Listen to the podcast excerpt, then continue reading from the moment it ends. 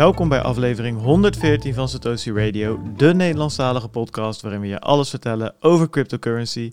Ik ben Bart Mol en deze keer heb ik niet één, maar twee collega's in het buitenland zitten. Eentje zit in, uh, in de achterbak van zijn auto en de ander zit tegen een prachtige, prachtige bergachtergrond aan. De gebroeders Slachter, Bert en Peter, jongens. Top dat jullie er weer zijn. Hebben, hoor. Je moet er wat voor over Je moet er wat, nou, ik waardeer het hoor Bert. Dat je zo kan schakelen van... Wind.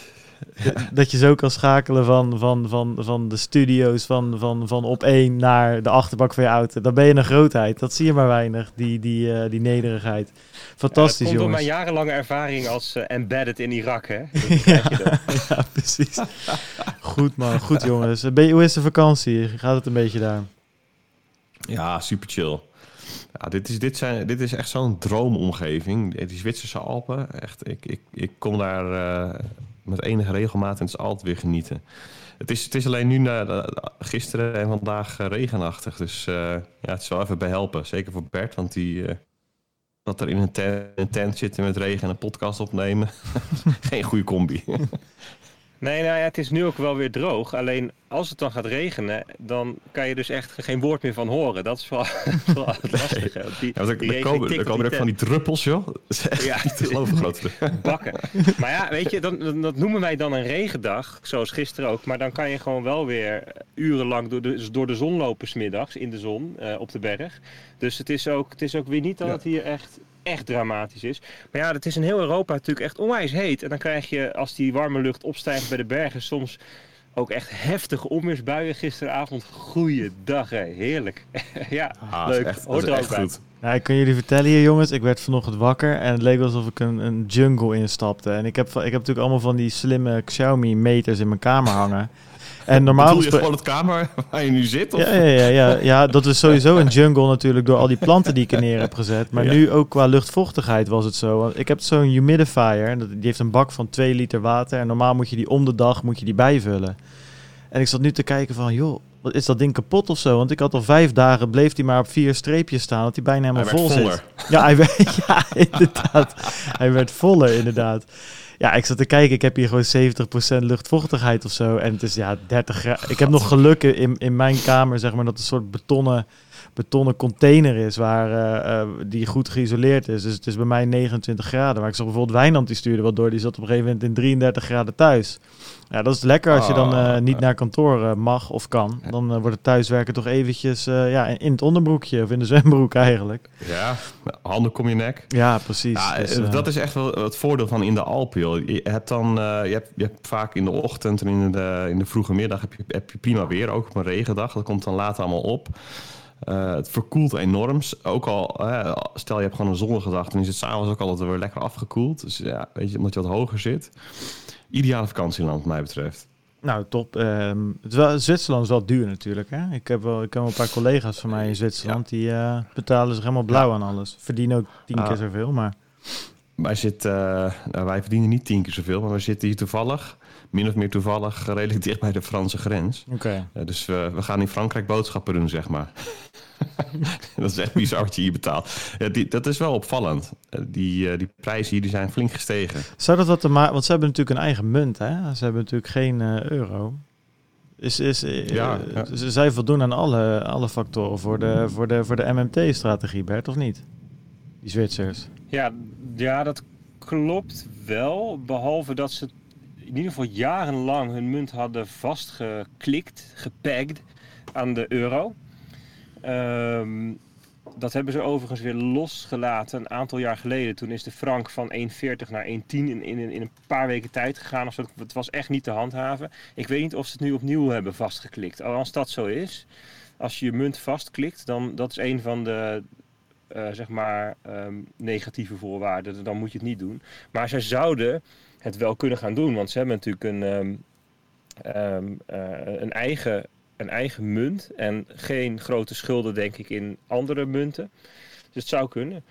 Maar het is inderdaad bizar hoor. Je betaalt hier gewoon gerust voor, voor, eh, voor, een, stok, voor een stokbrood betaal je 3, 4 frank. Hè? Dus dat is 3 à 4 euro. Nou ja, weet je, dat is echt wel, uh, wel serieus geld. Lekker stokbroodje. Ja, ook een, een, een sixpackje Heineken is 11 euro, geloof ik, in de supermarkt. Ja, maar dan wil ik eigenlijk liever weten wat, wat het lokale pils kost. Want Heineken is over de Ja, grens natuurlijk altijd eh, duur en import Eurotje en eh, Nederland. acht.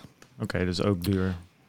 Nog Ja, ja de, de grote boodschappen die kan je het best eventjes eh, thuis doen en meenemen. doen. Maar als je midden in zit, is dat natuurlijk geen optie. Nee, nee, precies. Ja, Ehm, even kijken, jongens. Ehm, laten we de andere ehm, medede huishoudelijke mededelingjes even eruit gooien. Eh, deze podcast die wordt natuurlijk nog steeds mede mogelijk gemaakt door Ledger Leopard, Anycoin Direct, eh, Watson Law, Maven 11, Bitcoin Meester, Lightbit en Blocks.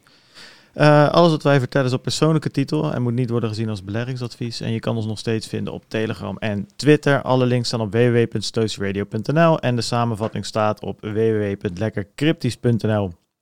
Ik zag dat je er weer eentje online had gegooid. Dus voor de liefhebber, die kan, eh, die kan daar eens even een kijkje gaan nemen. Ehm, ja, en we hebben natuurlijk ook weer donaties gehad. Ik pak het telefoontje er even bij. Eh, dan moeten we op eh, 7 augustus beginnen. We hebben Leon. Ehm, Leon is volgens... Ik weet niet of jullie daarvan gehoord hebben, maar die is van stacking.com. Moet je maar eens kijken als je dat niet, eh, niet kent. oh. Ja. Is dat een nieuwe dienst? Dat is een nieuwe dienst inderdaad. Die heeft een eurotje gedoneerd. Die zegt, lekkere aflevering weer mannen. Heerlijk luisteren vanuit de hangmat met uitzicht op de boomgaard. Fijne vakantie aan de slachters. PS, waarom zou iemand zijn stacking shirt niet meenemen op vakantie? Ehm, Waarom zou die alleen niet- foute je? antwoorden graag. Dus je kan, eh, je kan losgaan, Peet. Dus je, jou, jouw droomvraag in principe. Nou ja, ja, kijk, op vakantie neem ik het liefst kleren mee die, eh, die een beetje kapot mogen gaan en zo, weet je. Dan ga je toch wandelingen maken en zo. Je wordt snel vies.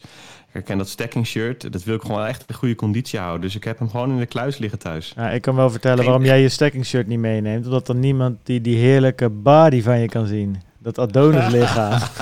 jij loopt zonder shirt rond. Je hebt hem net even aangetrokken voor de video. Maar eh, Ja, jij flaneert daar over Ja, die dat dan. Zwitserse bergies gewoon als een soort... eh, soort ja, wat, ik liep hier in het dorp een kwartiertje zonder, zonder eh, shirt en ik werd gelijk aangehouden. Dus het ging niet heel goed. ja, nou ja, dan toch maar je stacking shirt mee de volgende keer. Even kijken hoor. We hebben Douwe alias De Plaaggeest. Die heeft 4 euro gedoneerd. Die zegt veel dank voor alle podcast en de waanzinnig goede MyNote filmpjes. Cheers Douwe alias De Plaaggeest. Nou Douwe, het wordt gewaardeerd jongen. Thanks voor je donatie. Hielke, die heeft een euro gedoneerd. Die zegt ik doneer jullie... Oh, dat is wel leuk trouwens. Die zegt ik doneer jullie niet alleen een euro, maar ook mijn allereerste Lightning transactie. Bedankt voor de podcast mannen. Nou, dat is altijd leuk om te horen.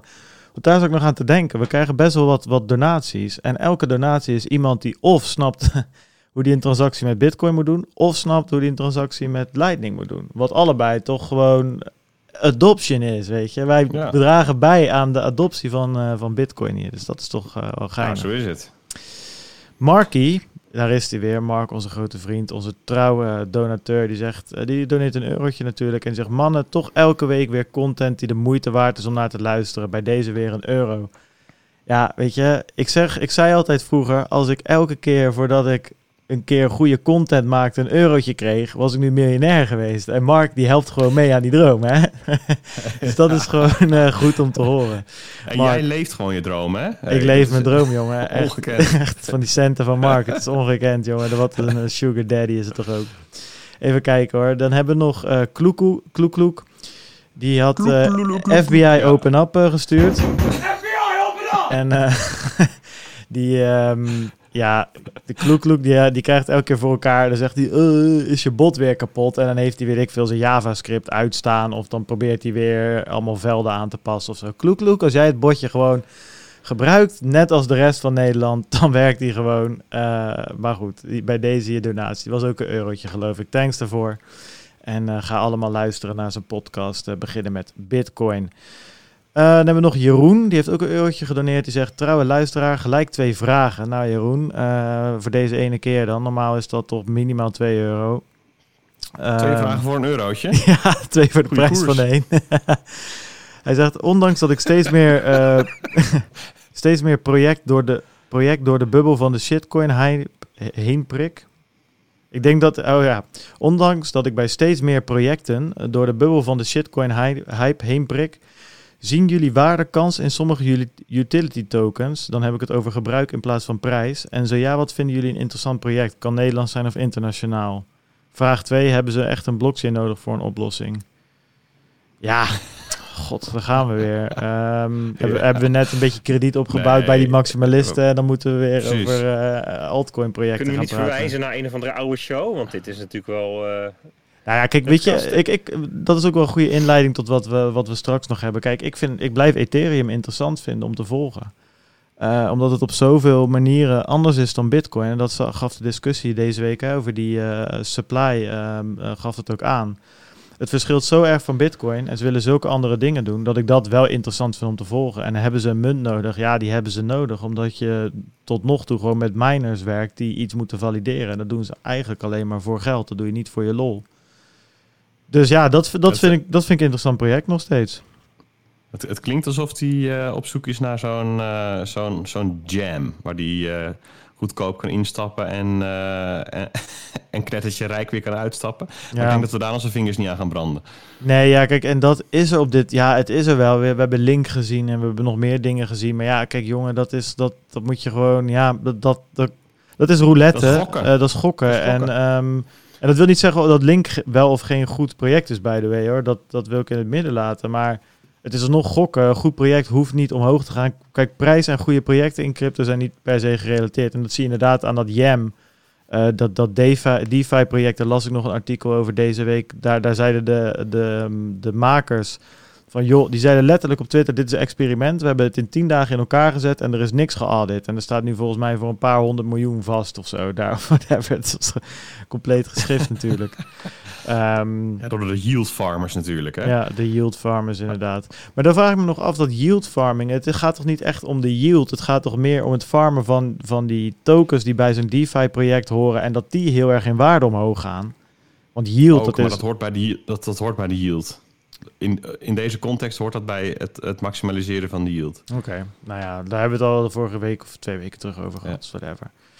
Ehm, dus ja, Jeroen, ja, weet je, eh, Ethereum vind ik nog grappig om te volgen. Ehm, ja, wat heb je nog meer? Ik weet het niet, joh. Ik, Ik, eh, ik, ik zou zeggen, gooi deze in. vraag eens in de, in de groep. Gooi me eens in de groep. Ik denk dat je veel eh, je positieve... niet uitgekotst. Ik wou net zeggen, ik hoop dat Martijn Wismaier een dagje vrij heeft. Voordat hij weer als, als een gek door de bocht komt om, eh, om je eens even hardhandig naar de uitgang te dirigeren. Martijn, bij deze, kijk, in principe hebben wij een, ook een altcoin open beleid. Hè? Ik bedoel, het is, het is niet een bitcoin-only groep. Maar ik moet wel zeggen dat ik er ook wel wat minder in zit als een tijdje terug. Ehm, Nou, weet je wat het is? Als je voor altcoins ehm, langskomt, dan moet het je eigenlijk niet gaan om de prijs. Want dat is bij eigenlijk geen enkele altcoin op dit moment ehm, een realistisch onderwerp van gesprek. maar ik moet ook heel eerlijk zeggen dat deze jongen ook zegt, eh, en dan heb ik het over gebruik in plaats van de prijs. Dus eh, hij, hij geeft dat zelf ook aan. En dan zeg ik van ja, weet je, dan vind ik Ethereum interessant om in de gaten te houden. En dingen die daar. Ik, ik vind projecten die proberen iets heel anders te doen dan Bitcoin. Weet je, ik heb lang Ziliga gevolgd omdat die met sharding bezig waren. Ik weet allemaal niet of het gaat werken, maar ze proberen in ieder geval wel iets anders. En dat vind ik dan altijd wel leuk. Ja, om Nee, een beetje te volgen nog.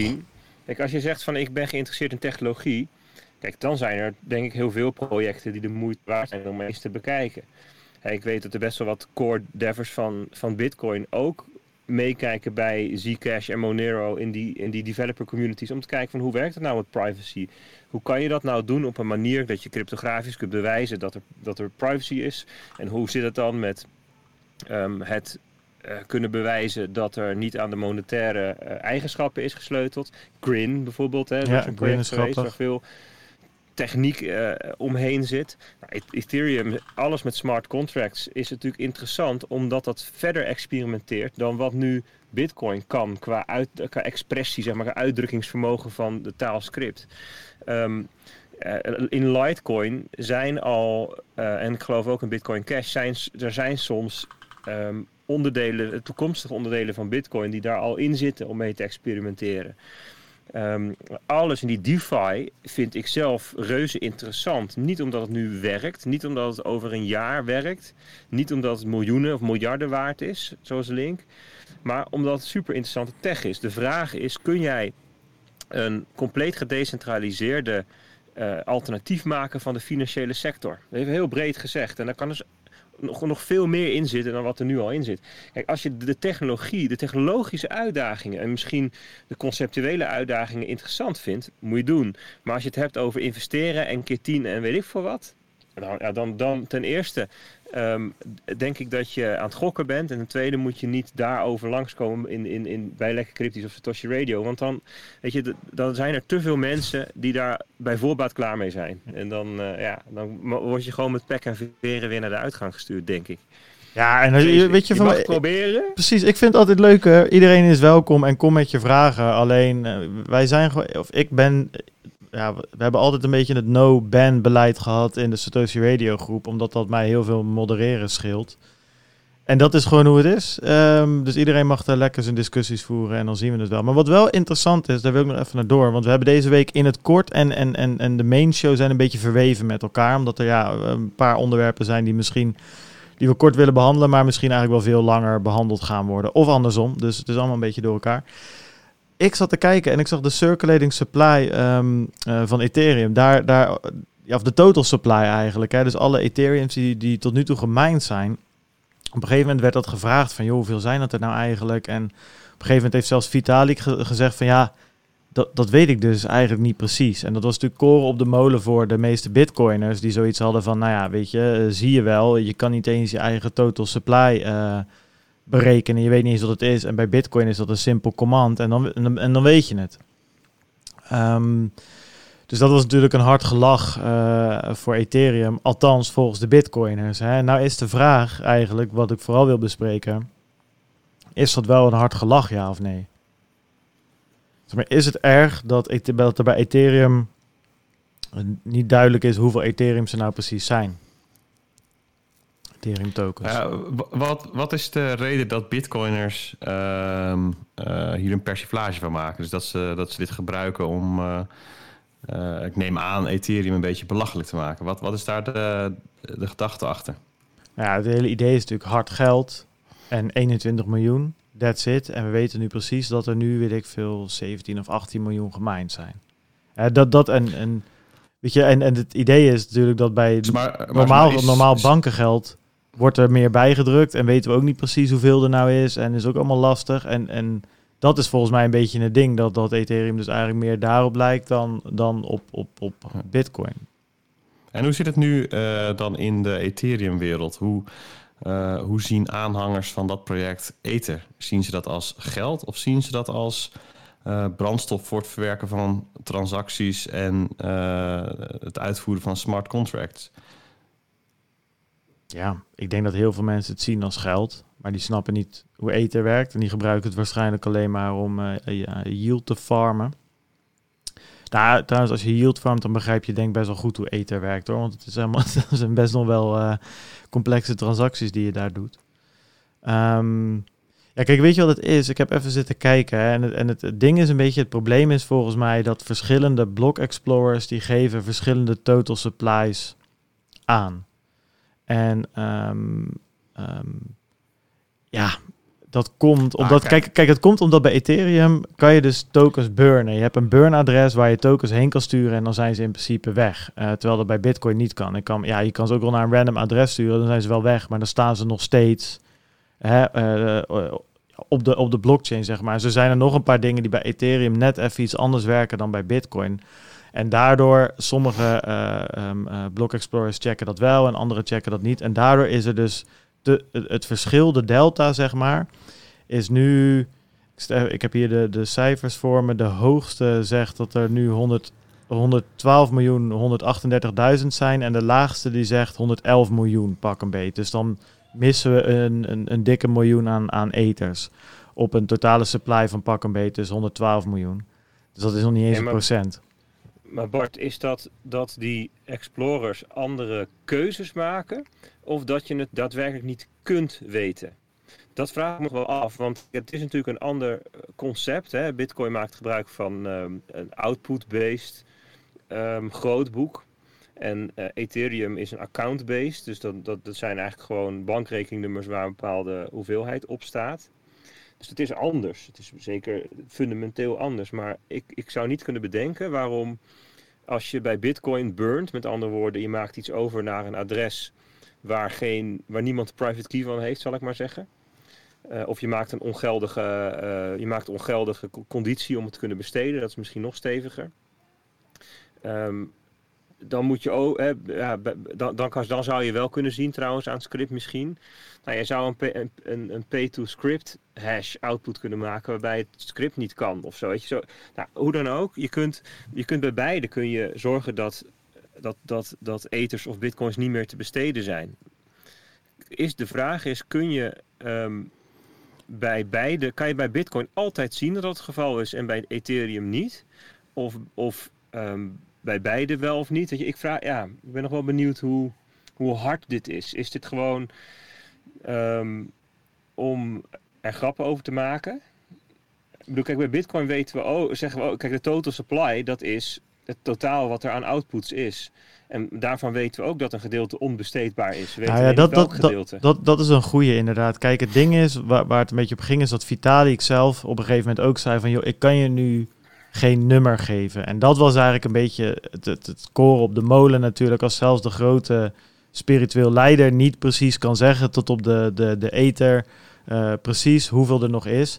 Terwijl iedereen met een full node, Bitcoin full node, die kan gewoon een command invoeren en dan komt er uitgerold hoeveel bitcoins er tot nu toe gemined zijn. Hè? En dat was een beetje het, het verschil tussen de twee kanten. Uh, ik zie hier ook een, iemand, een, een uh, Jeremy Gardner bijvoorbeeld zeggen, die wordt, die wordt door Pierre Rochard wordt die gevraagd, where are your ETH supply scripts, Jeremy? Have you been doing the math? how, um, how have you been running the numbers? I ask, I ask as a friend. En dan zegt hij, Jeremy, I don't give a shit about the supply, dude. I have a general sense of the current supply and it doesn't matter to me. Do you like gold? Do you know the actual current supply? Do you know how many bitcoins have been lost over the years? En dat is precies jouw punt, uh, Bert. Ja, weet je, we, daar zijn ook altijd schattingen. We weten hoeveel bitcoins er gemined zijn, maar hoeveel er precies in omloop zijn, dat weten we natuurlijk ook niet. Omdat er heel veel bitcoins, ja, die liggen, of heel veel, maar er liggen genoeg bitcoins op autosloopplaatsen of andere afvalbergen op harde schijven die weg zijn gegooid in 2013. Dus ja, ik vond, het, ik vond het grappig om te volgen. En ik denk dat dit soort ruzietjes er wel altijd voor zorgen dat iedereen een beetje scherp is. Want ik zag vandaag ook weer uh, volgens mij Kloek Kloek en, uh, en Tom Stammes en nog wat andere uh, mensen. Die zaten ook bij Bitcoin dingen na te rekenen. En daar, daar, dat, dat is as we speak, zeg maar. We zitten nu een uurtje of tien s ochtends op de donderdag. Um, zijn ze daarmee bezig. Dus weet je, dat, dat, dat, het zorgt wel uh, altijd voor wat, uh, ja, om, om dingen scherp te krijgen. En ook om scherp te krijgen, wat is Ethereum nou? En ik denk gewoon dat het hele ding, Ethereum is gewoon geen hard geld. Dus dan maakt het ook niet zoveel uit of er een miljoentje meer of minder is. Zo simpel is het gewoon. Het is een supercomputer waar Ethereum toevallig nodig is om transacties te kunnen betalen, zodat de miners die transacties blijven minen. Het is het is heel wat anders. Je moet niet in Ethereum gaan zitten als je denkt ja, dat dat een soort van safe haven asset is voor de komende tien jaar, waar je, waar je geld uh, veilig staat. Moet je bij Bitcoin ook niet denken, maar ik denk dat Bitcoin wel in ieder geval de, de karakteristiek heeft uh, om, om, om dat enigszins te zijn, terwijl Ethereum dat natuurlijk totaal niet heeft. En dat is ook niet erg, want het is gewoon wat anders, weet je. Het is ook, als je zin hebt in appels, ga je ook geen... Uh, speklappen eten. Maar goed, dat is misschien niet de beste analogie, maar het is wel, het is natuurlijk wel, ja. Het is wel wat het, is. Het is gewoon niet hetzelfde. Kijk, kijk, als je dat bijvoorbeeld, als je nou bijvoorbeeld, uh, ik zeg maar wat Monero hebt of zo, iets wat pretendeert ook een munt te zijn, alleen dan met bepaalde privacy aspecten, maar wel hè, uh, geld. Hè, of een Zcash of een Litecoin, weet je, die kan je veel makkelijker op de meetplank leggen. En als daar een paar miljoen missen, dan zou ik ook zeggen, ja, dat is niet handig bij Ethereum, ja, weet je, um, wat, wat, ik ben het wel met die Jeremy hier eens. Ja, who cares? Weet je, het is, het is, het is geen geld. Dus wat maakt ja, dan de supply nou precies uit? Zolang het niet oneindig bijgedrukt wordt hoor, laat me even duidelijk zijn. Maar... maar als je het dan hebt over Monero en Zcash en andere privacy munten, ik geloof dat ze allemaal al een keer een inflation bug hebben gehad. En dus dat je ergens, dat ze er ergens achter zijn gekomen van oké, okay, het was dus mogelijk om meer meer te maken dan zou mogen volgens de regels, of meer te besteden dan dat je aan input whatever. Maar gewoon een bug waardoor je dus iets kan doen, waardoor, de infla waardoor er meer Monero of Zcash, wat dan ook, is dan zou moeten. En dat noemen ze dan een inflation bug. Ehm, en bij Bitcoin zou, je dat, zou iedereen dat ogenblikkelijk zien in het grootboek, omdat het grootboek, de, de ledger, de, de blockchain is openbaar, inclusief de getalletjes, inclusief de hoeveelheden bitcoins. Ja, dat is bij privacy coins niet. Ja, dus ja. Ja, maar dat vind ik dan dus wel een probleem. Zeg maar, dat zou ik een groter dus probleem, vinden dan, dan dat ik dat bij Ether vind. En, en dat is precies het punt, omdat, omdat die dingen allemaal op de schaal liggen van oké, we willen geld zijn dan is dat een probleem. En als jij zegt van oké, dit is eigenlijk gewoon een, een, een computersysteem waar Ethereum uh, het betaalmiddel is, wat je alleen maar eventjes nodig hebt als je een smart contract wil runnen en wat niet de bedoeling is om op een uh, hardware wallet te zetten en uh, in een kluis te leggen voor 10 jaar voor je pensioen. Dat is, dat is een hele andere, uh, andere insteek natuurlijk. Dat, dus... dat doe je ook niet met muntjes op een festival. Dan zeg je ook niet van, uh, nou ja, dan ga ik er uh, duizend van mee naar huis nemen voor over vier jaar. Nee, ja, de, exact dat. Nou, weet je, laten we de speklappen en de appels en peren even gaan. Inderdaad, muntjes op een festival vergelijken met euro's bijvoorbeeld. Hè. Het, het, je kan er allebei mee betalen, maar de ene koop je om direct uit te geven. omdat het eventjes handiger is. Ja, vooral voor de festivalknakkers, maar ook voor jou wel ergens, denk ik. Um, en ja, dat is nou precies het goede voorbeeld inderdaad. Het een is geen geld. En weet je, je bent een beetje, ja, dan ben je expres blind als je een, een heel argument op gaat, op gaat lopen hangen of een hele discussie op gaat hangen dat festivalmuntjes wel geld zijn en dat het zo slecht is dat festivalmuntjes oneindig bijgedrukt worden. Weet je, dat, dat is geen discussie. Dus het is namelijk, het hele probleem bestaat niet. Um, dus goed, maar het was wel erg interessant om te volgen. En wat eruit gevolgd is, en dat is wel leuk, uh, Pieter McCormack heeft nu uh, volgens mij Samson Mao en Vitalik zover gekregen, eigenlijk vooral Vitalik zover gekregen, om in de show te komen bij hem, om een Bitcoin versus Ethereum discussie te gaan houden. Um, oh.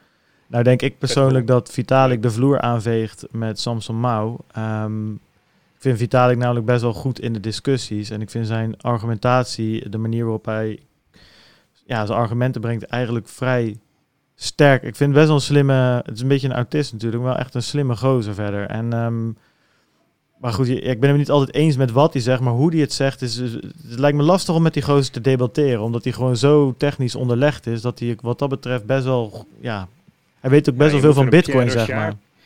Je moet Pierre Rochard of zo tegenover zetten. Echt gewoon iemand die, die, die dit ook doorleefd heeft. Wat dat betreft ben ik ook de laatste tijd... Kijk, ik vind Pieter McCormack, ik vind het echt ontzettend knap wie hij allemaal aan zijn show weet krijgen. Dat is echt, ik bedoel... Um, en ook hoe die over grenzen heen durft te kijken. Nee, hij heeft, dat is pas Stephanie Kelton, die MMT'er. Hij had pas Pieter Schiff, ja. Goldbug. En dan doet hij dat op een hele uh, goede manier, leidt hij dat in, heel respectvol. En hij weet eigenlijk het perfecte theater neer te leggen, de perfecte fundament, de, de, omstandigheden om echt een goed constructief gesprek te voeren. Maar hij mist zelf de, de scherpte op het moment om dan echt goed door te vragen. En echt, zeg maar, kijk, er komen soms argumenten, of, hè, argumenten dan terug dat je, waarvan, je, waarvan ik denk, ja, daardoor moet je je gewoon niet uh, om de tuin laten leiden. En dat doet hij dan wel. Ja. Dus, dus dat vind ik ook met Vitalik. Die, het is fantastisch dat hij dit weet te regelen. Maar hij zelf heeft niet, denk ik, de, het gewicht om Vitalik echt het vuur aan de schenen te leggen. Als hey, en dat heeft, hij, dat heeft hij Samson Mao, als, die was in, namelijk in de discussies met Vitalik. En daar vond ik hem vrij snel op de man um, spelen. En ik zou het jammer vinden als deze discussie daar een beetje gaat eindigen. Het zou mooier zijn als er echt een technisch... Ja, ja, ik weet niet. Ik moet maar gewoon gaan luisteren. Maar ik hoop echt dat het echt een goede discussie wordt. Want het kan echt super interessant zijn. Maar ik vind dat het vaak, uh, ja, mondt een beetje uit op een beetje een ordinaire haren trekken. En dat zou jammer zijn. Ja, ik vind het, um, uh, voor mij komt het al vrij snel over als een, uh, als een, als een discussie tussen twee mensen die verschillende religies aanhangen. Ja, dus die, die, die maar blijven redeneren vanuit hun eigen paradigma. Uh, en eigenlijk is het enige wat er gebeurt, is dat die twee paradigma's botsen. Het wordt al heel snel. Uh, wie heeft de grootste? Weet je wel, haantjesgedrag. En uh, dat geeft mij al vrij snel het gevoel van, joh, het is echt niet heel nuttig om je Het zijn, zijn twee totaal verschillende Sorry, eh, Peet, Peet, Peet, Peet, Bitcoin. Peet, Peet. Het is echt niet nuttig om... niet nuttig eh, eh, om, om, zo'n, eh, om, om je tijd te besteden aan deze thematiek. Ja, op, op zich wel om in te zoomen op wat zijn nou de, de, de, de fundamenten voor beide projecten. Waarom zijn ze zoals ze zijn? Wat zijn de toekomstplannen? Waar komen ze vandaan? En wat vind je daar nou van? Zijn er dingen die je van elkaar kunt leren of niet? Weet je, dat, dat vind ik nuttig. Dus als, als daar de gesprekken over gaan, dan luister ik daar graag naar. Maar een, ehm, eh, ik- heb nooit zoveel gehad aan gesprekken tussen een maximalist die zegt van ja, het gaat enkel en alleen over bewijsbare schaarste. eh, en die daarmee zegt en daarom is Ethereum kut. En iemand van Ethereum zegt nee, we zijn een applicatieplatform en dat is beter dan Bitcoin. En zij, weet je, dat ja, is allemaal, allemaal geneuzel aan, de, aan de zijlijn wat mij betreft. Ja nee, ben ik met je eens. En ik, ja, ik, ik vind Vitalik juist op, eh, op- meestal daar zich wel... Ik vind hem meestal wel juist al extreem inhoudelijk. En hoef ik, hoe- ben ik alsnog niet altijd met hem eens, maar ik vind hem wel wegblijven over het algemeen van de, van de cheap shots. Maar goed, we gaan zien. En ik hoop echt inderdaad, ben met je eens dat die discussie gewoon eh, Ja. wat wordt waar we wat eh, aan hebben. Bertus. Ik las een... eh, Oh, wacht. Peet, ja. Oh, ja, nog even een wat. dingetje. Ehm, ik las hier over een draadje van, ehm hoe heet die, Anton Antonopoulos, Ja. geloof ik. Ehm, die nou, in een tweet of 10, 15 wat zegt over eh, de verschillen tussen de manier waarop de block rewards werken. Verschillen tussen Bitcoin en Ethereum wel te verstaan. En dat is, dat is wel eh, leuk om even te lezen als je erin geïnteresseerd bent. Hij probeert daarmee de, de, eh, aan te tonen dat, dat, het, dat de vraag zelf eigenlijk ook misplaatst is in de context van Ethereum. Ja, precies. Hij heeft het inderdaad ook over die burn-adressen daar. Dat, die, dat je bij Ethereum een, een universeel burn-adres hebt. Wat je Ja. dus kan voor kan kiezen om die ehm, eh, tokens die daarop staan ehm, mee te nemen of niet ja, mee te ook nemen. over het fundamentele verschil. Bijvoorbeeld dat bij Bitcoin is het een eh, de winner takes all methode. Hè? Dus die proof of work, als je het blok vindt, krijg je alles. Bij Ethereum is dat anders. Daar gaat een heel deel van, van, eh, ehm, eh, van de beloning naar mensen die ook een poging hebben gedaan om het volgende blok te vinden. En daar ontstaan uncles mee. Ja. En die uncles worden ook beloond. En die uncles kunnen weer nephews hebben. Die krijgen, eh, en het is een heel ander soort methodiek bijvoorbeeld. En zo zijn er meer verschillen die, ja, die, die nuttig zijn om, om kennis van te hebben als je een poging gaat doen om deze twee projecten met elkaar te vergelijken. Ehm, maar in beide gevallen is uit te rekenen ehm, wat het totale aanbod is. Alleen bij Ethereum is het sterker afhankelijk van welke methode je erop nahoudt. Maakt Ja. het niet per se.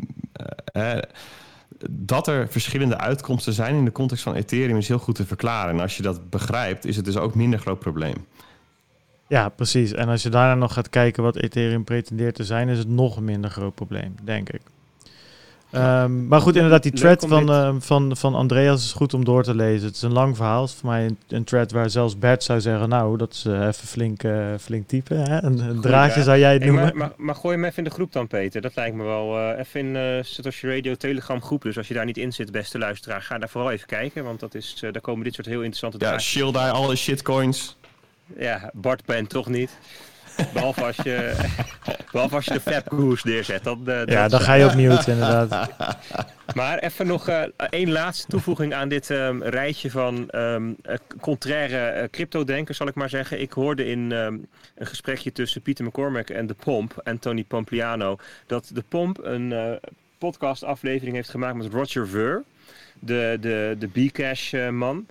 En dat schijnt dus ook een heel aardig mooi gesprek te zijn, waar ook uit blijkt dat Roger Ver daadwerkelijk wel echt snapt ehm, wat de, de conflictpunten zijn tussen de bitcoiners en de bcashers. Ehm en dat het een mooi openhartig gesprek is geworden. Ik heb nog niet geluisterd, maar ehm, nou ja, een klein tipje, dus kijk maar even of het wat is. Misschien wel. En laat het Schijnt. weten. Ehm Bert, kan jij direct door eh, aan jou. eh, ja, jij hebt een onderwerp ingebracht. En ik zal voor de luisteraars eventjes eh, ja, lezen wat ik hier weet. Bert heeft opgeschreven dat hij het over Lindy wil hebben. Dus ik ben benieuwd of dat over je nieuwe vakantieliefde is of dat het wat anders is. Ehm, of beide. Dat zou ook kunnen. Oh, Lindy. Lindy, ja. Nee, ja, ik, vorige keer hadden we het over ehm, eh, de, de Nixon-shock. Ja. En toen zeiden jullie, ah, dat is toch leuk, zo'n geschiedenislesje tussendoor. toen dacht ik, nou, ik was weer aan het schrijven voor, voor ons boek. En toen kwam ik, kwam ik Lindy tegen. Ik, nou ja, dan moeten we even over Lindy hebben. Dan gaan we het even over Lindy hebben. Ehm, en dat is namelijk een verhaal van Lindy, wat schijnt, schijnt al in de jaren 40 te spelen. Ehm, dat aan Broadway in New York, daar zit een klein um, café slash delicatessenzaak. En elke avond na hun shows kwamen daar de acteurs en de zangers en de comedians bij elkaar zitten. Om uh, voor het raam, uitkijkend over Broadway, te kletsen over hun uh, ongetwijfeld um, glamourrijke toekomst. Um, en ze filosofeerden daar over de reden dat sommige shows al binnen een paar dagen weer van de gevels verdwijnen. En dat sommige shows vele jaren avond na avond volle zalen trekken. Hoe, hoe kan dat nou?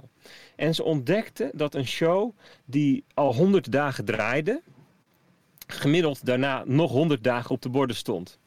En een show die al 200 dagen draaide, nog een levensverwachting had van 200 dagen.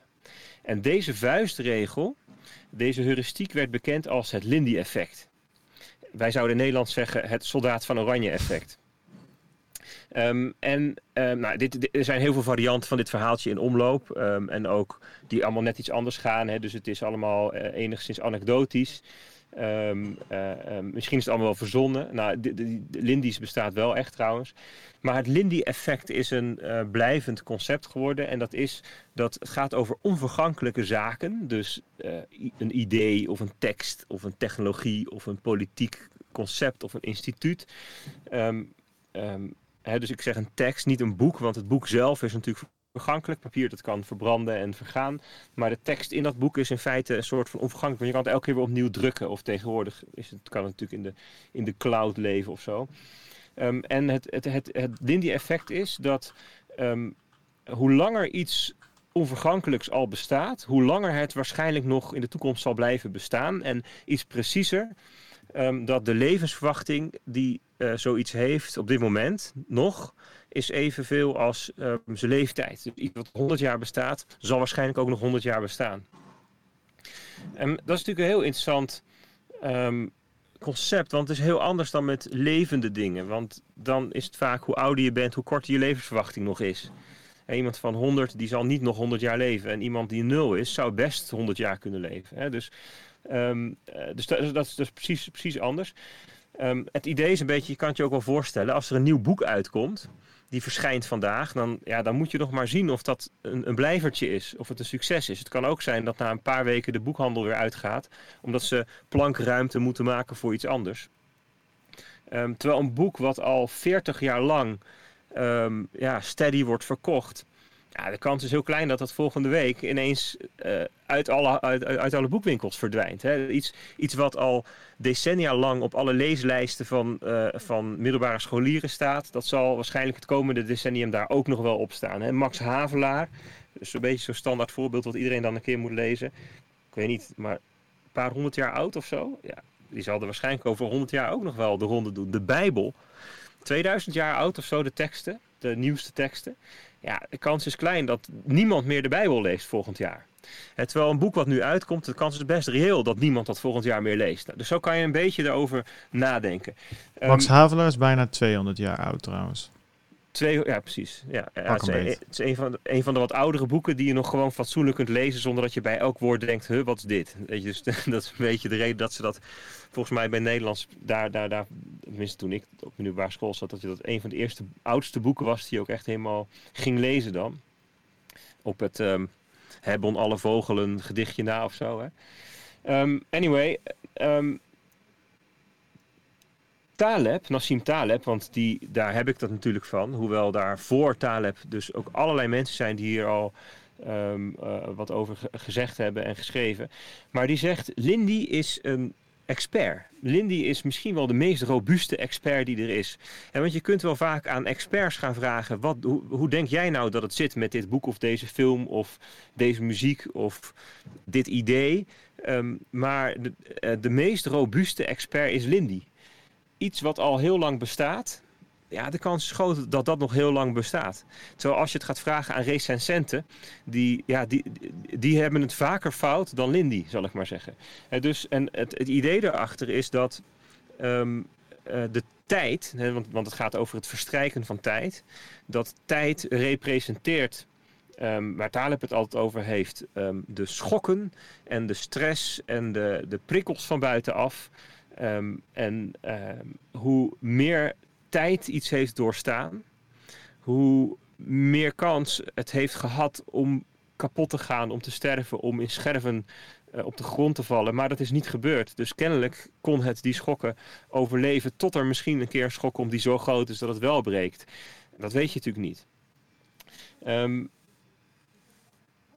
ja, Bert, ik zat, ik zat... Al, ja, ga verder. Iets wat al tien jaar bestaat, dat heeft dus de, de, de, de nieuwe mode overleefd. Of een nieuwe regering of een nieuwe onderwijsmethode. Hè. Dus dat heeft kennelijk allerlei nieuwe ideeën heeft dat doorstaan en het is er nog steeds. Nou, er is nog één, ding belangrijk, dat het Lindy-effect is beschrijvend hè, en niet voorschrijvend of voorspellend dus um, het Lindy-effect is niet de oorzaak van dat iets een grote kans heeft dat het nog langer bestaat.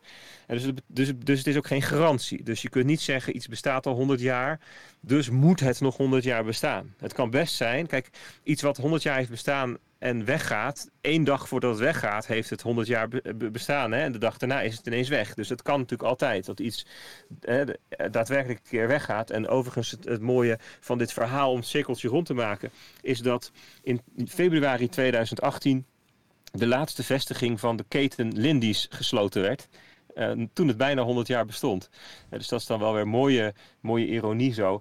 Um, maar het Lindy-effect is wel interessant ook in de context van Bitcoin want um, ja, toen Bitcoin een jaar bestond, had je kunnen zeggen: ja, het is, het, is een leuk um, experimentje van een aantal nerds die, die wat, wat, wat, wat, wat, wat um, plastic muntjes naar elkaar overmaken. Ja, en nu bestaat het 11 jaar, of hè, 2009, 2020, 11,5 intussen. Het heeft heel veel meer schokken overleefd. En Lindy zegt dus dat, nou ja, de kans reëel is dat het langer bestaat dan nog een dag. Hè? Weet je, dus niet, niet als dit moet gebeuren, maar als beschrijvend. En in, in die context is dat wel, vond het wel een aardig.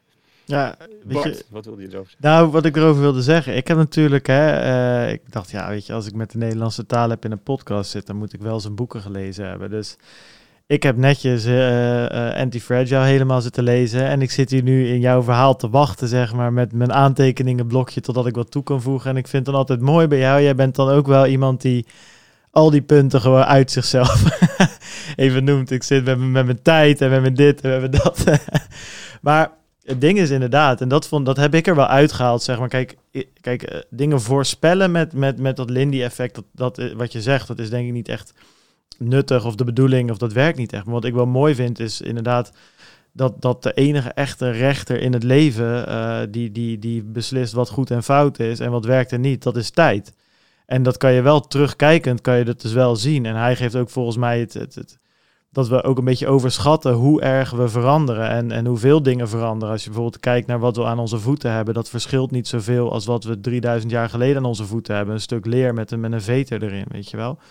En blijkbaar werkt dat gewoon. En dan, weet je, dus dat, dat vond ik ook wel een, een, een, um, een mooi ding om naar dingen te kijken. Um, ja, dat, dat inderdaad mensen of recensenten, die hebben vaak een eigen agenda en tijd heeft dat niet, weet je. Dan breken dingen gewoon of ze blijven. En dat komt omdat ze in, de, in, in, in het grotere goed gewoon blijkbaar werken of niet werken. En tijd heeft verder geen bias wat dat betreft. Dus dat vond ik wel een mooie, een mooie een mooi ding. Ja, leuk effect. Ik ben benieuwd waar je volgende week uh, mee, uh, mee op de proppen komt. Misschien, uh, Peter, we kunnen, wij kunnen ook wel eens even nadenken of wij met een leuk psychologisch effect of iets anders schijnigs aan kunnen komen. Of een, een historisch feitje of zo. Ik denk dat we inmiddels wel kunnen spreken van het Bert-effect, hè? Ik denk dat wij daar dan het verhaaltje bij moeten verzinnen. ja, het Bert-effect. ja. Ja, het Bert-effect, ja, ja. Daar had je geluid voor klaar staat, toch Bart, of niet?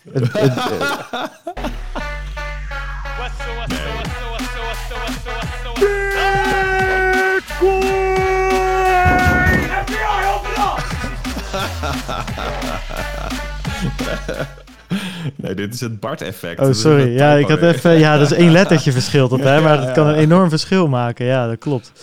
Ja, ik, maar wat vonden jullie ervan? Zo de dubstep met alle Bitcoin uh, sounds erheen. Ja, dit is gewoon. Dit, dit, wordt, dit was best een prima mix. Ja, dit wordt live gewoon gemixt, inderdaad. Dit, wie, wie dit weet. komt wel in de buurt van een boogie. hey, ik ga mezelf, weet je, ik vergelijk mezelf niet met Bert. En ik ga me al helemaal niet met Herbert vergelijken. Toch wel de king of de boogie wordt hij ook wel genoemd. Um, Nee, goed, het Lindy-effect, nou ja, leuk. Nou, dat was in het kort. We zijn inmiddels 45 minuten verder, dus dat gaat goed. Uh, Bert die zit al in de achterbak en zijn vrouw die zit al te wachten om weg te rijden uh, voor het stuur. Uh, de, de, de, de, dat lijkt me helemaal episch dat ze die auto gaan rijden. het, het voetje op de koppeling, weet je wel. Die zit al klaar om weg te gaan. Hey, dat je um, tour krijgt op YouTube. Ja, leuk. Nou, ik heb, ik heb nog wel twee onderwerpen. En uh, kijk, jullie zijn op vakantie, weet je wel. Dus ik heb twee dingetjes voorbereid waar ik gewoon eigenlijk jullie expertise gewoon... Uh, uh, ik zal het uitleggen en dan, en, dan, en dan wil ik gewoon jullie mening horen. Daar komt het eigenlijk op neer. Um, deze week ja, is het eindelijk zover, jongens. We hebben het er eigenlijk jaren over gehad. Maar de institutionals zijn hier.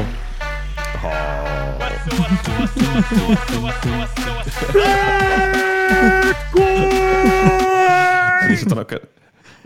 Ja, wat? Is het dan ook een Polonaise van institutionals of niet? Nee, het is er eentje. Of is het echt één? het is er eentje. Oh. Maar oké, okay, ik, ga, ik ga uitleggen wat het is. Uh, deze week kwam een... Uh, uh, en ik moet zeggen, ik ben, ik ben vrij positief erover. Al, als in, ik vind dit...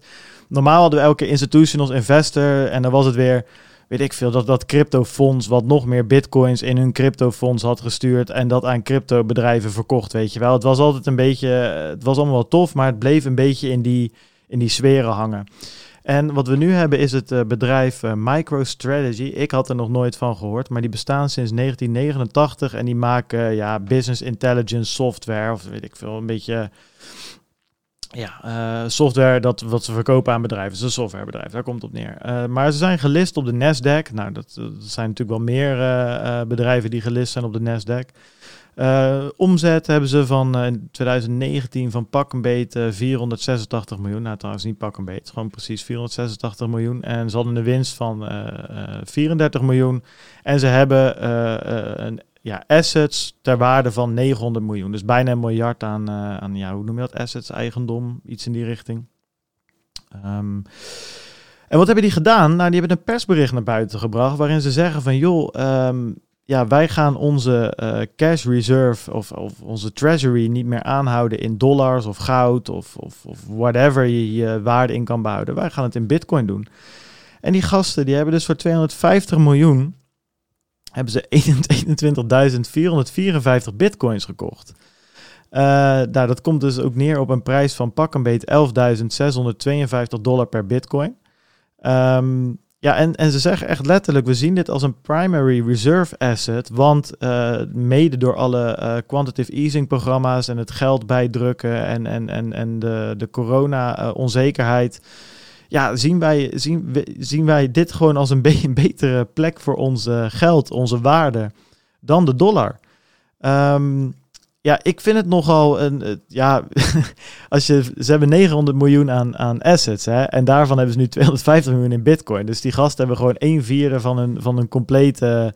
Ja, assets zitten nu in, in Bitcoin. Dat vind ik wel dat is big ball move, ja, zeg maar. Ja, dat, uh, het is best wel huge, als ik dat zo hoor. Voor hun dan, hè. Uh, ik bedoel, op de, op de grand scheme of things is het natuurlijk nog niks. Nou ja, trouwens, 21 nou, miljoen bit, of 21.000 bitcoin is ook wel veel. Ja, niet alleen dat. De, dit, is, dit is gewoon een Nasdaq genoteerd bedrijf... die heel duidelijk aangeeft, joh, wij nemen dit serieus. Uh, en en niet, niet met een, een whitepaper of iets dergelijks, maar die hebben echt serieus uh, geld erin gestoken. Zeg maar, put your, put your money where your mouth is. Nou, dat, dat beter kan haast niet. Wat, zij, wat ik lees in dat statement is dat ze.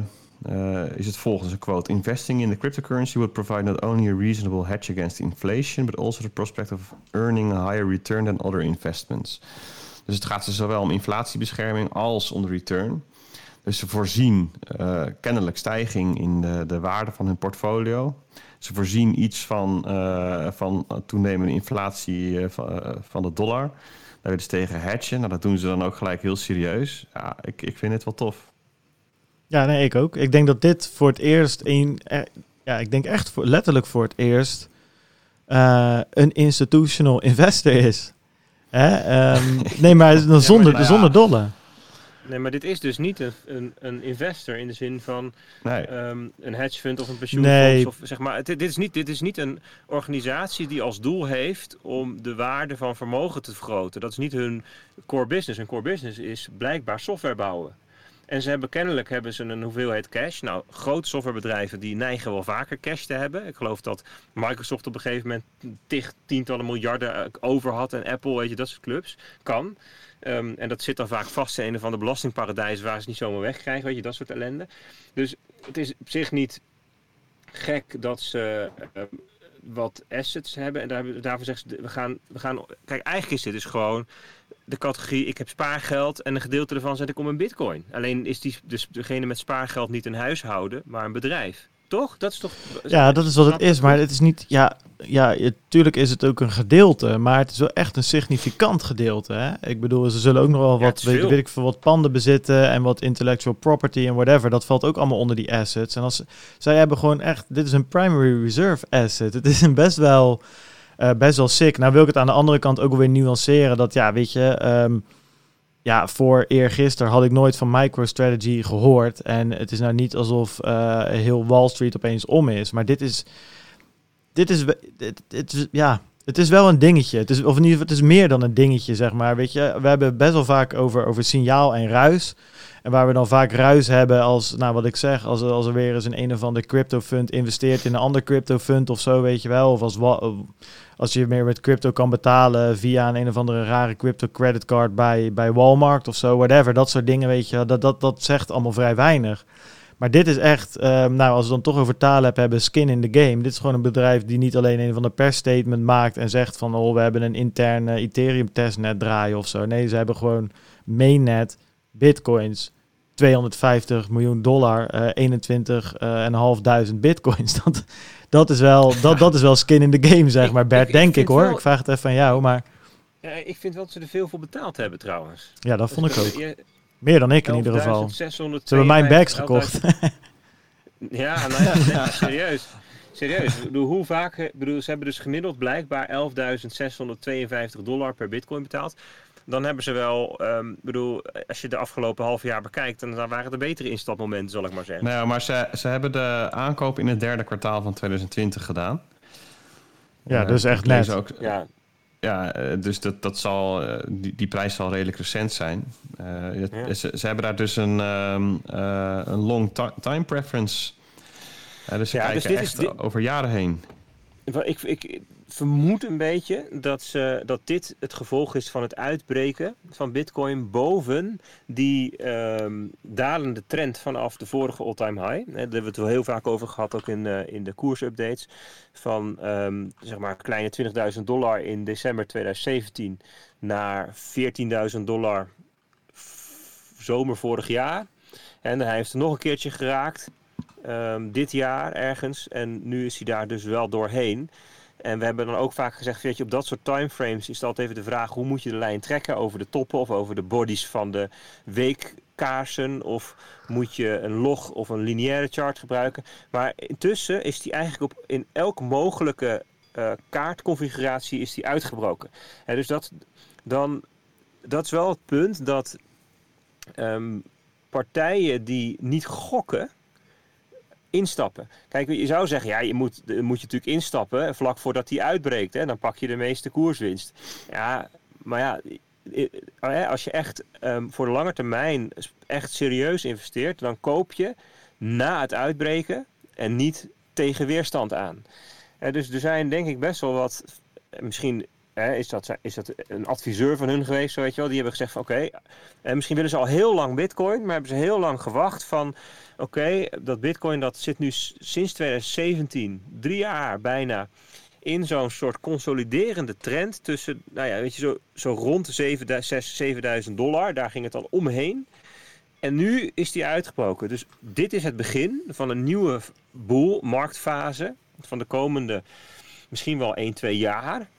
Dit is het moment om in te stappen. En dat hebben ze dus blijkbaar ehm, ja, ook dus tegen 11.600 dollar gedaan. Terwijl het hoogste wat we gezien hebben eigenlijk ehm, eh, is 12.000 dollar de afgelopen tijd. Dus ze hebben gewoon, ze hebben niet gedacht van, nou je, we wachten nog wel dat hij wat daalt. Weet je, dit is, hij is nu uitgebroken. Ehm, op termijn waar wij eh, naar kijken en de, de verwachting die wij hebben, maakt het niet uit of we nou tegen 11.600 of 10.800 kopen. Dat geloven we allemaal wel. Bam, dit Ja. is het. Dus, dat, dat, dus, dus, dus zeg maar, daaruit vind ik wel ook een signaal van uitgaan. Van de, de moment en de, de prijs die ze betaald hebben. Ja, plus, eh, Ja, kijk, je stapt Ja, natuurlijk ook en- niet en- zomaar en in en uit ik- voor 250 miljoen. Weet je, dat, dat is wel een hele operatie, denk ik. Ik bedoel, Ja, er is liquiditeit genoeg, maar je moet natuurlijk, ja, weet je, het is niet dat je dat even snel eh, kan in en Nee, het is uitstappen. geen market, geen market order bij Binance. Nee. nee, precies. Weet. Nou ja, de, de, de bitcoins die staan bij meerdere custodians, lees ik. En, ja, dat is ehm, een goede eh, inderdaad.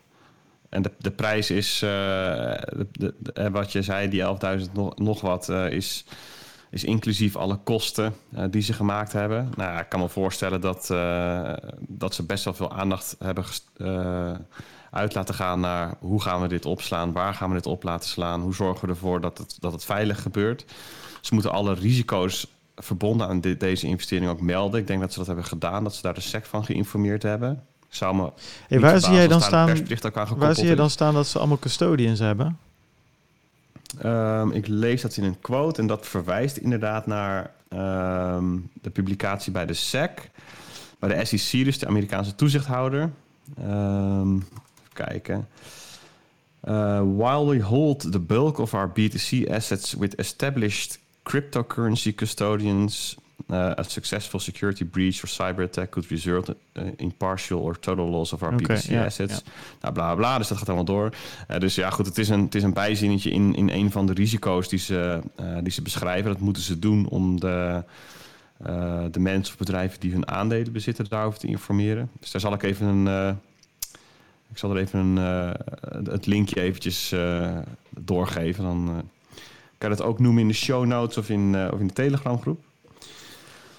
Ehm, ja, kijk, ik, ik vind het signaal wat, wat hiermee afgegeven wordt. Ja, we, we hebben het net over het Lindy-effect gehad. Mhm.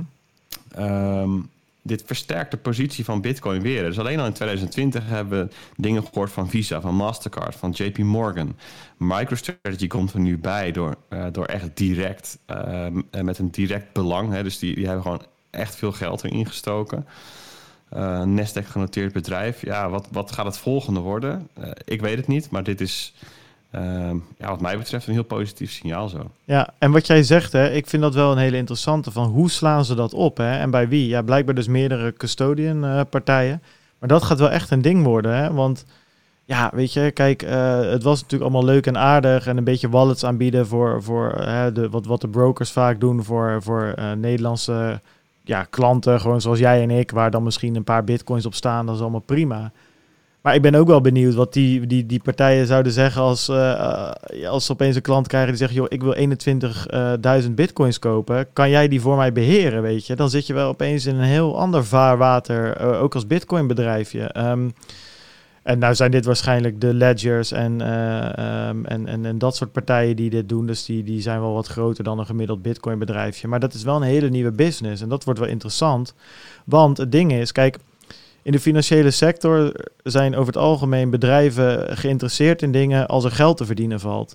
En als MicroStrategy voor 250 miljoen aan bitcoin koopt, dan zijn ze ook waarschijnlijk hebben ze ook wel budget om dat veilig te houden. En waarschijnlijk is dat budget groot genoeg, zodat banken en dat soort partijen ook langzaamaan, zeker als er meerdere bedrijven zoals MicroStrategy gaan zijn, die dan ook wakker worden. Want je kan hier gewoon nu geld verdienen. Dit zijn serieuze bedragen en je kan hier een serieuze fee voor vragen om dat veilig te houden als custodian, weet je wel. Dus ja, je, langzaamaan kom, Ja. kom je in, een- in een vaarwater wat niet meer het, het, het, eh, de Kralingse plas is, maar daadwerkelijk begint te lijken op de Rotterdamse haven, zeg maar, met de grotere bedrijven die daarbij komen kijken. Dus dat is wel heel interessant. Ehm, Ja, en zo kan, je ook, zo kan je ook weer het bruggetje slaan naar ehm, eh, wat we vorige week of, of de week daarvoor besproken hebben. Ehm, dat, het, dat de banktoezichthouder in de VS heeft aangegeven dat banken ook cryptovaluta in bewaring Ja, mogen nemen. Precies. Nou, dat, en dat zo, ligt allemaal samen. dat is ook weer zo'n puzzelstukje wat, wat daar heel erg tegenaan eh, schuurt. Dat was een ontbrekend puzzelstukje voor, voor grote bedrijven die, Ja, die, die dat nodig hebben. Som, er zijn ook bedrijven, zeker als het grote investeerders zijn, die verplicht zijn om het in bewaring nemen uit eh, te te besteden. delegeren, Ja. aan, een, eh, uit te besteden aan, aan dergelijke partijen. Dus ja, ja, ja ik, ik ben heel benieuwd. Wat Top. we nog gaan zien in 2020. Eh, we hebben nog een onderwerp. Ik kreeg ook een berichtje door van onze grote vriend Bert dat zijn batterij er zo uitvalt. Bert, wist je ook dat je op je telefoon kan inbellen met Discord? Ja, dat weet ik ook. Maar dan heb je een andere mic, hè? Ja, dan hebben we eventjes laatste onderwerpje Anne Mikey. Dat is allemaal Ja, prima. komt goed. Eh, dat, komt dan, eh, dat komt dan goed. hey, dan zitten we precies op het uur. Dat ga ik meteen eventjes in onze show notes eh, eh, bijwerken. En dan gaan we naar het laatste onderwerp. Ik kreeg een berichtje van niemand minder dan eh, Simon Lelyveld. Lely. Lelyveld. En De Lelai wordt hij ook wel genoemd. Eh, Ja. Young Lely. Ehm, nee, hij, hij, hij stuurde hem een eh, berichtje, want hij had een eh, op eh, Hij Twitter. was een beetje boos, of niet? Hij was, hij was boos. En dat, dat mocht hij zijn, volgens zichzelf. Eh, had hij ook getweet. Beetje als, eh, hoe heet hij ook weer, die Max gozer bij... Eh, nee, nee, nee, bij DWDD. Die zegt toch altijd van, mag ik dat Oh. zeggen? Ja, dat mag ik zeggen. Nou, een beetje dat, dat Nee, idee. zei- dat was Martin Meets, toch? Dat was niet. Mart Smeets. Dat was eh Dijks, Dijkhoff. Of hoe heet, hoe heet die gozer nou? Die dichter, de huisdichter van DWDD. Zoek het maar eens even op. Nee, nee, sowieso. Martin Smeets gebruikt zijn bekende uitspraak. Mag ik dat zeggen? Ja, dat mag ik zeggen. Ja, dat is, dat is echt Martin Smeets. En, en hij werd... Ja, eh, Nico Dijkshoorn, die zei dat ook altijd hoor. Ja, die, die gebruikte dat meer in cabaret, cabaret-context. Of in... Of, ja, ik weet niet precies wat Nico Dijkshoorn doet. Nou, hij gebruikte het wel vaak, laat ik het zo zeggen. Maar goed, ik, eh, jij zal wel vast was gelijk ik gewoon hebben. een diehard fan. Diehard fan was het. Jij bent ook wat ouder natuurlijk en wat volwassener dan, dan, dan ik, dus dan zal je dat wel weten. hey, maar ik wil het eventjes... aan te nemen als Smeets. Dus Ik ben ook boos, want ik heb het ook gelezen wat Simon zei. En ehm nou, kijk, weet je, ik ben niet, niet echt boos. Het is meer van, nou, oké, weet je, eh, dit hadden we, dit hadden we kunnen verwachten, laat ik het zo zeggen. Wat is er gebeurd? ik, ik zei, Ja, ga je er weer een grapje over maken? Of gaan we Nee, nou even nee, serieus... ik- eh, ik, ik, ik wou zeggen, ik zei toch dat het een drol was? Ja, ja, precies. Ja, ja, ja. En, nee, Ja. moet ik je nageven. Jij hebt het al gezegd. Maar ik ga even voor de kijkers of luisteraars, whatever, die niet weten waar we het over hebben. AML D5. Nou, dat, dat loopt al sinds december, november 2018. Eh, hele verhalen, als je, het, als je nog eens terug wil luisteren hoe dat nou zat, dan moet je de aflevering met Simon Lelyveld terugluisteren van een tijdje terug. Komt erop neer, eh, Europese wet rondom eh, witwassen en, en KYC en Know Your Customer, whatever, dat soort dingen.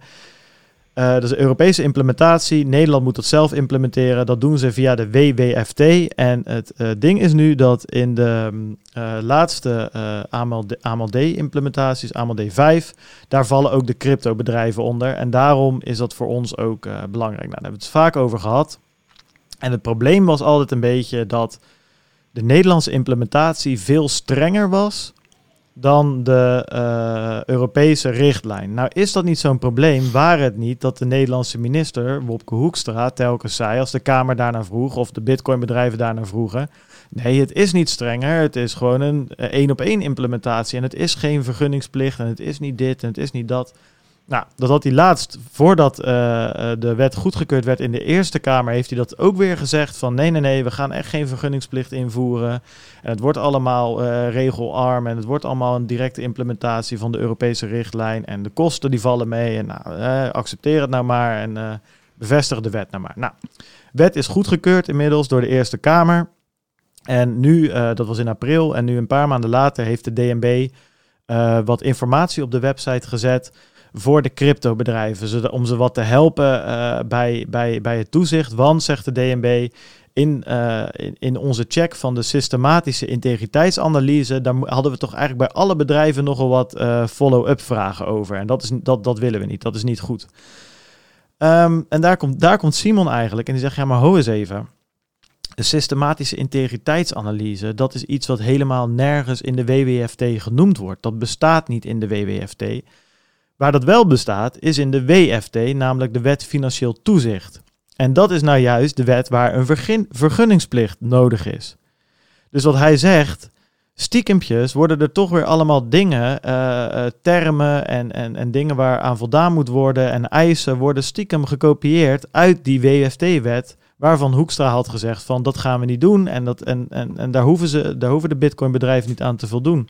En het gaat dus puur om die systematische integriteitsanalyse, wordt ook wel SIRA genoemd. Ja, dat bestaat niet in de AML D5 of in de WWFT. Dat bestaat alleen maar in uh, de WTT, dat is de Wet voor Toezicht Trustkantoren, en in de WFT, Wet voor Financieel Toezicht. Samenvatting, scammers gonna scam, what you wanna do. Dat is wat ik neergeschreven heb. Je had dit kunnen verwachten. Het, het is gewoon politici gonna kronkel. Het is... Ja, uh, het, het, is geen verrassing inderdaad, Peter, wat je zegt. Het was dus eigenlijk uh, inderdaad de drol waar jij het over had. Ja, het was een drol met een gouden randje. Zo, zo, um, ja. Ik heb het lange tijd best wel intensief gevolgd. Ik denk dat het begin mei was dat ik het wat losgelaten heb. Of eind april, toen schreef ik er inderdaad het over. Een laatste lange artikel um, sloot ik af met uh, de term een drol met een gouden randje. Dus, dus hij was mooi gemaakt om, om acceptabel te doen ogen voor de sector. Uh, toen die wet gepresenteerd werd, uh, door de Eerste Kamer heen ging, werd er best wel positief gereageerd. Dat er allerlei toezeggingen waren gedaan en er waren een aantal angels weggenomen. En het, het, leek mooi, maar ja, er, zat, er zit zoveel ruimte in, in de wet, zoveel interpretatieruimte. En DNB die erbij betrokken is, die heeft daar ook wel een handje van. om, om ergens een punt te, te maken. weet je, ik zei ook veel, um, het, het was, eigenlijk was het mondeling, in mondelinge toelichtingen was het opgeleukt. Uh, maar dat gouden randje begon al wat barstjes te tonen. Dus ik heb het idee dat het gouden randje nu uh, nagenoeg weg is. Ja. Ja, inderdaad. En je zag ook dat dus dat DNB, dat nieuwsbericht wat ze hadden uitgestuurd, waar ze dus die, die SIRA, hè, die systematische integriteitsanalyse, een beetje toelichten. Uh, dat, die tekst hadden ze één op één gekopieerd van een eerder nieuwsbericht wat ze uit hadden gestuurd voor trustkantoren. En die vallen dan onder de WTT en dat is dus weer een vergunningsplicht. Dus het is gewoon... En kijk, ik denk dat het ook ergens, hè, ook niet per se, het is gewoon een beetje, denk ik, ook onvermogen van de DNB. Die zitten ook maar te kijken van, ja, hoe gaan we dit uh, monitoren en hoe gaan we dit in de gaten houden? En liever te streng dan dat we later op onze flikker krijgen van de minister. Hè? Ik bedoel, kijk ook even met een schuin oog naar Duitsland, waar natuurlijk de uh, alles en iedereen wat ook maar enigszins een controlerende functie had, de mist is ingegaan bij Wirecard en nu daar op een, uh, ja, op een flikker krijgt van de, van, van de po politiek. En terecht, denk ik. Um, dus dat die zoiets hebben van ja, we gaan maar scherp in de wedstrijd zitten. En de een, die hebben ook geen handvaten. Want dit is, dit is de eerste keer dat ze dit moeten gaan controleren. Dus die hebben zoiets van, nou, dan, dan pakken we maar iets van, de, van die trustkantoren. En dat is gewoon, dat is, dat is vervelend en dat is stom en dat is niet de aandacht die het verdient. Alleen dat is denk ik wel, uh, en ik waardeer Simon zijn werk heel erg, maar ik ga nu even over naar, naar mijn mening over dit hele stuk. Ja, die wet is er en die gaat niet meer weg. En uh, de manier waarop de politiek ermee omgaat is, uh, om het maar heel plat te zeggen, kut. Maar dat gaat ook niet 1, 2, 3 veranderen. En tuurlijk, blijf daar tegen ingaan en blijf brieven schrijven en blijf uh, de, de, politici die er wel voor openstaan benaderen. Maar ondertussen denk ik dat je als Bitcoin bedrijf nu ook gewoon moet zeggen van oké, fuck it, weet je, we hebben die compliance officer ingehuurd, we hebben die risk manager ingehuurd, we hebben die accountant ingehuurd of whatever. En nu gaan we het gewoon fixen en het klopt gewoon en daarna zijn we van het gezeik af, weet je wel. En daar zit ook wat haken en ogen aan. Hè. Er zit ook een ethische component aan en wil je dat wel en wil je er wel aan voldoen. Maar Weet je, het hier tegen vechten begint een beetje. Nou ja, wat jij ook al zei, Peter, wat ik ook eerder heb gezegd: van ja, weet je, politici gonna scam of politici gonna lie of whatever. Ja, weet je, die heeft zich in een bocht gevrongen, die Hoekstra. En ja, zijn we nou, gaan we nou verrast doen? Of dit is toch, ja. Ik had hier eerder op gerekend dan dat het daadwerkelijk een, uh, een uh, registratieplicht nee. zou worden. Ja, Kijk, Toch? Ja, ja ik, ik kan er weinig anders van ik, maken. Ik kan me voorstellen dat je dat... Ja, ik, ik kan me voorstellen dat als je in de sector zit, dat je goede hoop houdt. Um, maar um, dat je misschien wel aan je water aanvoelde dat, dat wij zou gaan keren. Dus dat, het, uh, dat de opluchting al snel zou overgaan in uh, verbazing en daarna ook wel weer bezinning van ja, weet je, we hadden dit kunnen verwachten. maar dat blijft natuurlijk wel teleurstellend. Het is natuurlijk, ja, kijk, ik denk dat de meeste Nederlanders die dit volgen zich echt afvragen: joh, waar is de politiek nou voor? Waarom gebeurt het zoals het gebeurt? Um, waarom komt deze wet tot stand zoals die tot stand is gekomen? Waarom worden de uitspraken gedaan um, waar vervolgens uh, geen waarde aan gehecht wordt? Weet je wel? Wa waarom, waarom worden er mondelinge toezeggingen eh, om ze vervolgens gewoon aan de kant te schuiven. En, en dat ging rondom registraties, rondom de, de kosten uh, die voor de bedrijven in rekening gebracht zouden worden. Ehm, en nu weer over die risicoanalyse en het toetsingslat die er ligt. Uh, die dan identiek is uh, aan die van vergunninghouders. Weet je, ja. Dit zijn van die dingen. je kijkt er van de zijlijn naar. En ja, dan is het gewoon redelijk. Te, ja, nou, re laat het redelijk maar weg. Is het gewoon heel teleurstellend hoe dit ja. gaat. Nou, had je, nog, had je nog liever gehad dat. je viel even weg, Peet. Dan had je nog liever gehad dat. Uh, dat de minister uh, direct had gezegd van jongens, we gaan, dit, we gaan hier streng op toezien. Uh, dit, dit wordt, je moet een vergunning behalen, bijvoorbeeld. Weet je, ja. dan weet je waar je aan toe bent. en, en ik kan me voorstellen dat je als bedrijf liever hoort waar je aan moet gaan voldoen. dat je daar zekerheid over hebt, dan dat je aan een lijntje wordt gehouden. Ja. Want ja, weet je, dat is uiteindelijk wel het geval. En, en zeker als het om de wat kleinere spelers gaat, die in het begin misschien dachten: mooi, zo redden we het. Ja, ja, ja. Ja die krijgen dan in de loop van de tijd toch weer te maken met, met onvoorziene omstandigheden. Ja, en, en ik vind dat wel slecht dat de politiek op die manier gewoon wel uh, het bedrijfsleven in de weg zit. Ja, nee, ik ben, ben het met je eens. En wat ik zeg, begrijp me dus ook niet verkeerd. Hè? Als je zit te luisteren van, tuurlijk moet je hier tegen ingaan. Alleen als je tegen dit soort dingen gaat procederen, tegen de tijd dat je uit zo'n zaak bent of dat daar een uitspraak is, ben je gewoon een paar jaar verder. Dus ondertussen moet je gewoon voldoen aan deze shit. Zo is, ja, weet je, zo is de wereld nu eventjes. En ik heb ook het idee, want er wordt wel vaak genoemd van dat, dat, het zo'n, dat we zo'n uit, uit, uitloop hebben van uh, bitcoinbedrijven die ermee stoppen of die weggaan. Ja, volgens mij is de teller twee of drie of zo. En eentje, Deribit, die, gaat, die was sowieso naar Panama vertrokken, denk ik. Omdat die gewoon uh, te groot zijn en te internationaal zijn. En dat is gewoon voor hun sowieso, denk ik, een betere optie. Bitter uh, is natuurlijk, een, is natuurlijk een, een, heel vervelend voorbeeld. Maar daar houdt het wel op. Ja, je had die postkaarten of zo. Maar dat. Nee, ja. er, zijn, er zijn er wel meer. Ik denk, ik denk dat er een stuk of acht zijn in totaal met Bitkassa. En, uh, ja, die, zijn, die zijn ook gewoon doorgegaan inmiddels. Wel natuurlijk in een andere vorm. Ja, precies. Nou, ik weet niet precies hoe, wat de stand was nu bij Bitkassa, maar je had bijvoorbeeld ook Coin Garden of, of iets dergelijks. Coin Garden, je klinkt dat als een soort... Dat waren, dat waren de wat een soort robot die het zegt. Clubs. Een soort Coin Garden, een Bitcoin. Bitcoin uh, Garden. Ja. doe, doe er even het soundboard tussendoor. Uh, waar is die? Oh nee, nee sorry. verbinding is inderdaad... ja, je klinkt, als je er bent, klink je echt net alsof je naast me zit. Alleen dan soms die robot, die haalt me even uit die illusie. Nee, ja, ja oké, tuurlijk, Bitgarden. Er zijn natuurlijk zijn er wel een paar. Alleen, weet je, um, de meeste die hebben gewoon de schouders eronder gezet. En, en ik zeg niet dat die anderen dat niet gedaan hebben, maar de meeste die, die gaan gewoon die strijd aan. Ook gewoon uh, door compliant te zijn. En ik denk dat dat ook gewoon de manier is om dit te doen. En daarnaast moet je gewoon dus met die verenigde, verenigde Bitcoin bedrijven en Simon en whatever, moet je ook ten strijde trekken uh, voor gerechtigheid. Maar ik denk dat dat wel twee verschillende paden zijn. En dat je niet op het een kan wachten en het andere even kan laten lopen nu. Weet je? Want die wet die, en dat toezicht gaat er gewoon komen voordat jij uh, je gelijk hebt gehaald. Als je het gaat halen überhaupt. Ja, dat, dat vind ik dus ook. Ik denk dat, um, dat mensen, dat, dat de sector vooruit moet kijken. Uh, vooruit, naar voren. Um, we hebben in Nederland gewoon wel een heel professionele um, sector, denk ik. En ik denk dat best veel van hun dit soort kosten best kunnen dragen. Um, het is vervelend, het is een soort van onterecht. Uh, het voelt onrechtvaardig, maar dat is eigenlijk een ander punt. Uh, dus, dus ik zou zeggen um, twee dingen. Um, ze denkt dat het goed is als ze zich meer zouden verenigen. Dus meer, nog meer samen een vuist maken. Samen advies inwinnen. Samen uh, vertegenwoordiging hebben misschien. Uh, samen optrekken, samen lobbyen.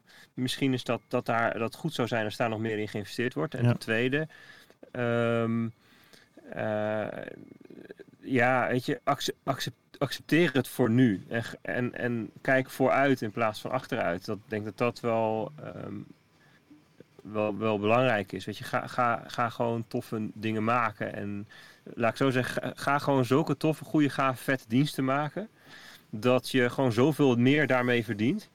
Dat die toezichtskosten, dat je daar om hard om moet lachen.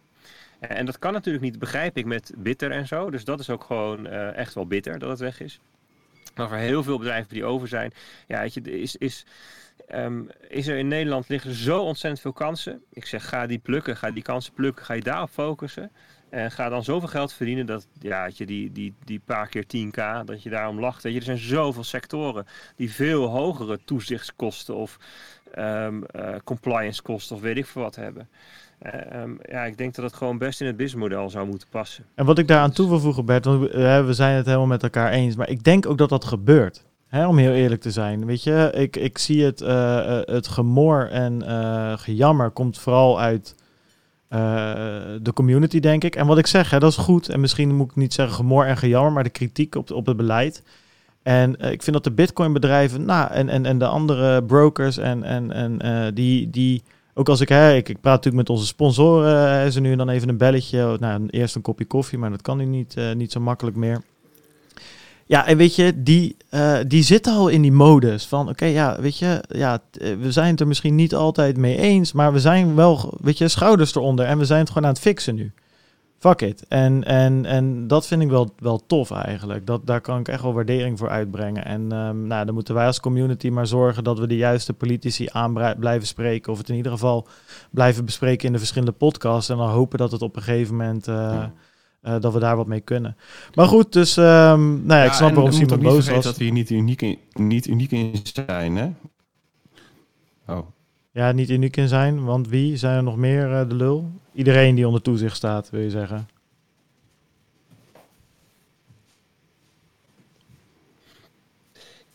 Oei. We hebben een, dat was een hele moeilijke vraag voor Peter. iemand kwijt. Dan snap ik dat hij eventjes, uh, dat hij er eventjes... Uh... Ik, ik, ik, ik hoor jullie nu weer, ja. Mijn, mijn, mijn verbinding die gaat echt op en af naar, uh, naar, naar standje min 5G. Maar, um, grote vriend, jij zei wij zijn niet de enige die hier last van hebben. Wie dan nog meer? Nee, ik zei we zijn er niet uniek in. Ja, wie, wie zijn er dan nog meer? Zeg maar, in, in uh, Duitsland hebben ze een licentiestructuur. En uh, die lijkt eigenlijk heel sterk op hoe, hoe het in, nu het in, uh, in Nederland is georganiseerd. Behalve dat die verhuld is als registratie. Oh, dat lijkt dus, er, dus, dus eigenlijk, dat is ook precies hetzelfde als in Nederland dan. Toch? Ja, nee, wij hebben hem verhuld als registratieplicht. Oh, okay, ja, in, in Duitsland is het daadwerkelijk een licentieregime. Um, uh, maar die implementaties lijken best op elkaar. En ja, weet je, uh, dus het, is, het, is, het is niet zo dat, we, uh, dat, dat, dat het nu in Nederland strenger is dan, dan in landen om ons heen. Of dat we nu weer het beste jongetje van de klas zijn of zo. Dat is niet het geval. Dat zijn we sowieso niet zo heel Goed. vaak volgens mij hoor. Ja. Maar goed, dat zou ik nog eens na moeten zoeken, die claim.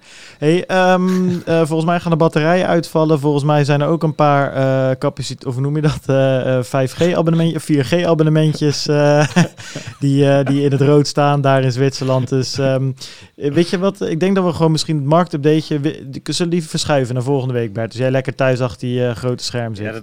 Dat zou ik doen, want ik heb nog één minuut voor. Ja, oké, okay, precies. Nou, dan ga ik dat doen. Dan ga ik dat doen. Weet je, Bitcoin gaat omhoog en omlaag. En waarschijnlijk volgende week ook. We gaan. en we zijn nog niet uitgebroken, jongens. Nou, ik doe het gewoon even. Ik kan het ook gewoon, joh. hey, uh, jongens, bedankt uh, dat jullie uh, ja, toch weer de tering naar de nering hebben gezet. Om het zo maar oh, even te zeggen. De ene in zijn achterbak, die valt nu weg. Peet, die, die zie ik ook amper. Dat is een soort zwarte schim geworden. dus ik ga hem gewoon zachtjes aansluiten, hier, afsluiten. Jongens, bedankt. Um, uh, vinden jullie deze podcast leuk? Uh, join ons Telegram, volg ons op Twitter. Alle links staan op www.stosieradio.nl. Uh, daar kan je ons ook steunen, mocht je dat willen. Uh, nou ja, Bert en Peter bedankt. En vooral jullie bedankt voor het luisteren. En um, graag tot volgende nou, week. Graag tot volgende week. En daar is hij nog even. ja, ja, ja. Mooi. Wil je nog doei zeggen tegen de ja, luisteraars, Bert? Ja, doei. Doei, doei. Later, jongens. Tot volgende week. Adios.